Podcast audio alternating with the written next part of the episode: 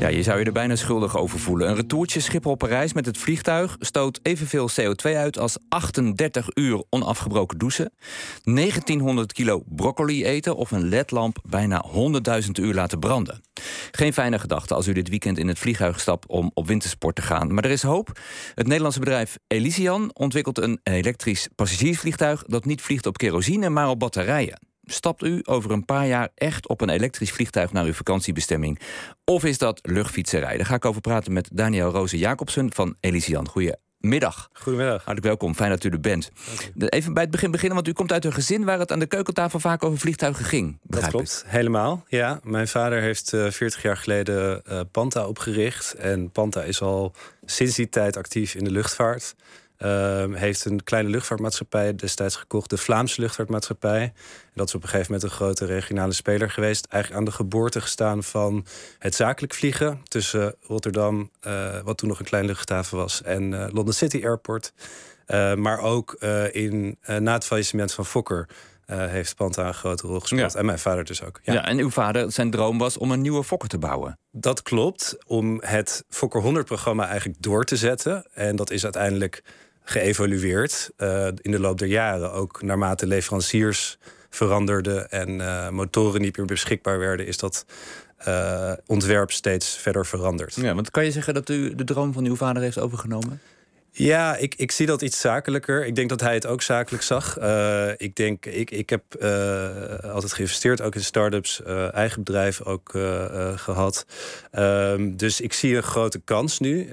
ik denk dat er in de verduurzaming van de luchtvaart heel veel economisch potentieel ook zit. Maar het is natuurlijk een mooie bijkomstigheid dat, ehm, dat ik de droom van mijn vader, zoals hij dat noemt, ja. uh, wel een stapje verder uh, breng. Ja, want uw vader heeft destijds een investeringsmaatschappij opgericht die achter Elysian zit en waar u nu zelf ook in het bestuur zit. Wanneer ontstond het idee, we moeten iets met elektrisch vliegen? Ja, eigenlijk vier, vijf jaar geleden. Um, Panta realiseerde zich, uh, we hebben een mooie positie om de luchtvaart te verduurzamen. Um, en uh, in die tijd is toen een project ontstaan. Uh, samen met uh, Rob Wolleswinkel. en uiteindelijk is de TU Delft daar ook bij betrokken geraakt. Ja. en er is dus een onderzoek gedaan samen met de TU Delft... om aan te tonen dat zo'n groter batterij-elektrisch vliegtuig ook echt mogelijk is. Um, en, uh... en ik denk dat iedereen bij uh, elektrisch vliegen denkt aan... ja, batterijen die zijn zwaar, dus dan moet je een heel licht vliegtuigje maken. Maar ik begreep dat u nou juist het tegenovergesteld heeft gedaan. Ja, wij hebben eigenlijk aangetoond in dat onderzoek met de TU Delft... dat daar een hoop misconcepties aan verbonden waren. Um, iedereen denkt inderdaad, batterijen zijn zwaar... en als je dat toepast op huidige vliegtuigontwerpen, dan kom je al heel snel tegen een grens aan. Vandaar ook dat er tot die tijd met name negen zitters of 19 zitters uh, zijn ontwikkeld. En zelfs daar had men sterke twijfels bij. Maar als je eigenlijk kijkt naar hele oude ontwerpen van jets, dus uh, vliegtuigen die heel ver moesten vliegen en eigenlijk niet zo efficiënt waren. Enorme bakbeesten. Enorme vleugels, heel veel brandstof mee.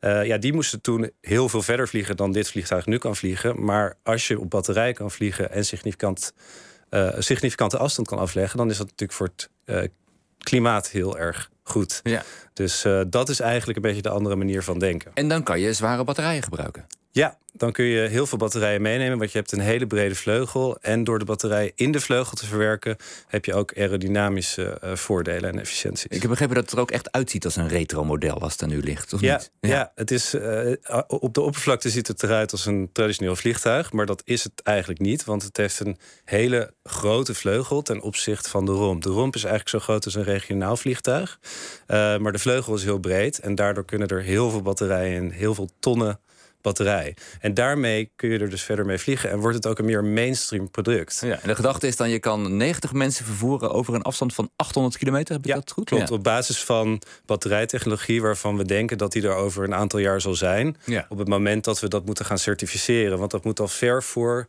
het certificeren van het vliegtuig zelf. Ja, ja maar dan zit je nog wel in Europa, dan kan je niet naar Amerika. Nee, klopt. ja. dus maar misschien kun je wel overstappen op een vliegtuig wat dan op duurzame brandstof de ja, oceaan okay. Ja. We hebben even gebeld met hoogleraar luchtvaarttechniek uh, Joris Melkert aan de TU Delft. En die zegt: het onderzoek waarop jullie je baseren laat inderdaad zien dat het ontwerp werkt, maar er zijn ook nog wel tien knelpunten die opgelost moeten worden. En hoe lang dat duurt voordat je die knelpunten op kan lossen, dat is niet duidelijk, zegt hij. En een van de voorbeelden is dan: de batterijen moeten nog twee keer zo efficiënt worden als ze nu zijn. Ehm, dat is om die 1000 kilometer te vliegen, inderdaad. Oh, dat is nog wel iets verder, ja. de, de sprong naar 800 is iets kleiner. Maar het is wel waar dat die technologie bestaat in, in labs qua energiedichtheid. Maar je moet het ook snel kunnen opladen. En je moet ook heel veel power kunnen genereren. Ehm, wij denken dat dat binnen drie jaar beschikbaar kan zijn voor ons Binnen drie jaar, oké, dat is snel. Eh, en dat, we hebben ook batterijproducenten gesproken die zeggen dat dat, dat, dat kan. Ja. Maar er moet nog wel wat gebeuren. Nou ja, precies. Dat is dan wat Ehm, hij noemt een knelpunt. En, Ja, en dat is een van de u zegt, die gaan we oplossen. dat is eigenlijk gek genoeg een van de minder Oh. uitdagende knelpunten in onze ogen. Want eh, ja, je hebt nog een, een hoop andere knelpunten. En die batterijontwikkeling die gaat zo ontzettend snel. eh, er gaat zoveel geld naartoe. Zoveel partijen zijn ermee bezig. Dat ik eigenlijk denk dat daar niet het grootste knelpunt ligt. wat, dat is volgens, wel wat, komt. wat is volgens u het grootste knelpunt? Ja, dan heb je echt meer te maken met hoe integreer je die batterijen veilig in een vleugel. Zodat als er bijvoorbeeld, bijvoorbeeld iets gebeurt. Eh, ergens op een deel van die vleugel, dat je dat veilig kan oplossen. en dat er Ja. niet iets met het vliegtuig gebeurt. de veiligheid. Eh, dus het gaat vooral om de veiligheid en de certificering. Eh, die batterijen, daar wil ik nog één ding over zeggen. Stel dat er een mindere batterij beschikbaar is en dat die batterij er niet komt, dan nog kun je een afstand vliegen met dit vliegtuig. Dus dan nog kun je 500 Ja, kilometer precies, vliegen maar niet of die 600 800 kilometer. kilometer. Maar niet die 800 kilometer. En dan nog zul je impact hebben op het klimaat. Dus zul je een nuttig product hebben. Wat kost het? Om het vliegtuig in zijn totaliteit te Nee, nee, nee. Om, voor mij als burger om naar eh, Parijs te vliegen. De, de kosten zullen niet heel veel anders zijn dan nu. Nee? En dat heeft ermee te maken dat... Het is nu heel goedkoop. In ons ja, wat wij hebben uitgerekend en in onze modellen gaan wij uit van een stijging van traditionele brandstof. En we denken dat het reëel is, omdat synthetische brandstoffen, wat het alternatief is eigenlijk voor batterijen, zijn heel duur om te ontwikkelen. Oké. Ehm, U als je uitgaat, zegt het vliegen wordt sowieso duurder. wordt sowieso duurder. Ja. Nou, als je uitgaat van een verdubbeling van traditioneel vliegen, dus traditionele brandstof, dan kunnen wij concurreren met vliegtuigen die nu op die afstanden vliegen, dus onder de 1000 kilometer. En dat zijn dan de Boeings en de Airbussen van deze wereld. Ja. Want grotere vliegtuigen vliegen vaak op kleinere afstanden. En dat heeft economische redenen. Ja. Ehm, Maar het wordt wel duurder dan het nu is dus.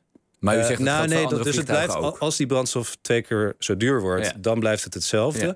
En wij maken winst op de brandstofkosten, want die gaan significant omlaag. En op dingen als onderhoud en nou ja, andere elementen Ja. die een stuk goedkoper zijn met een batterij. Dus u schat in dat het uit kan. Ja. U bent niet de enige die hiermee bezig is. Het Nederlandse bedrijf Maeve is ook een voorbeeld eh, bezig met een elektrisch passagiersvliegtuig.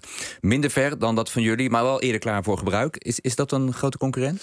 Nou, zij hebben onlangs een, eh, eh, een verandering doorgebracht. Dus zij zijn nu meer een hybride variant aan, ont- aan het ontwikkelen. En dat, ja, dat, dat is dus iets minder hetzelfde als, eh, als wat wij hebben. En eh, nou ja, verder eh, wens ik ze veel succes. ja. En eh, u bent ook nog bezig met een vliegtuig op waterstof, begreep ik. Ja, vanuit Panta hebben we ook een ander bedrijf, Fokker NextGen. En Fokker NextGen is eig- eigenlijk een evolutie van dat Fokker 100 project, wat uiteindelijk uit, de Fokker, uit het Fokker faillissement kwam. Ehm, en dat is een vliegtuigontwerp wat op waterstof kan vliegen met traditionele jetmotoren. Ja. Ehm, en daarmee gebruik je eigenlijk waterstofverbranding om die motoren aan te drijven. En Dat gokt, u eigenlijk op twee paarden dan? En ziet u Ja. dan welke het snelst gaat vliegen, letterlijk gesproken? Een beetje. Het is iets genuanceerder misschien. Eh, wij zien als Panta dat er iets moet gebeuren. De luchtvaart moet verduurzamen. Ja. Het is nu al een, een, een deel van het probleem. Het is een paar procent van eh, de totale CO2-uitstoot. Maar dat wordt steeds groter omdat andere industrieën sneller en Ja, die makkelijker verduurzamen.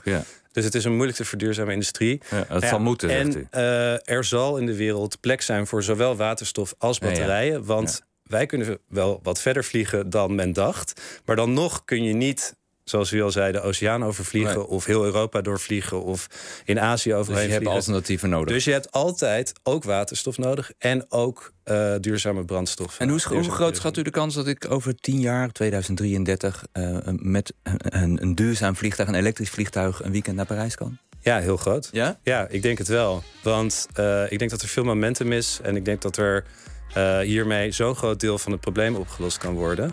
Oké. Ehm, dat, dat het de moeite waard is. Ja. Ik ben benieuwd, we gaan het zien. Daniel Roze Jacobsen van duurzaam vliegtuigbedrijf Elysian. Dank voor uw komst.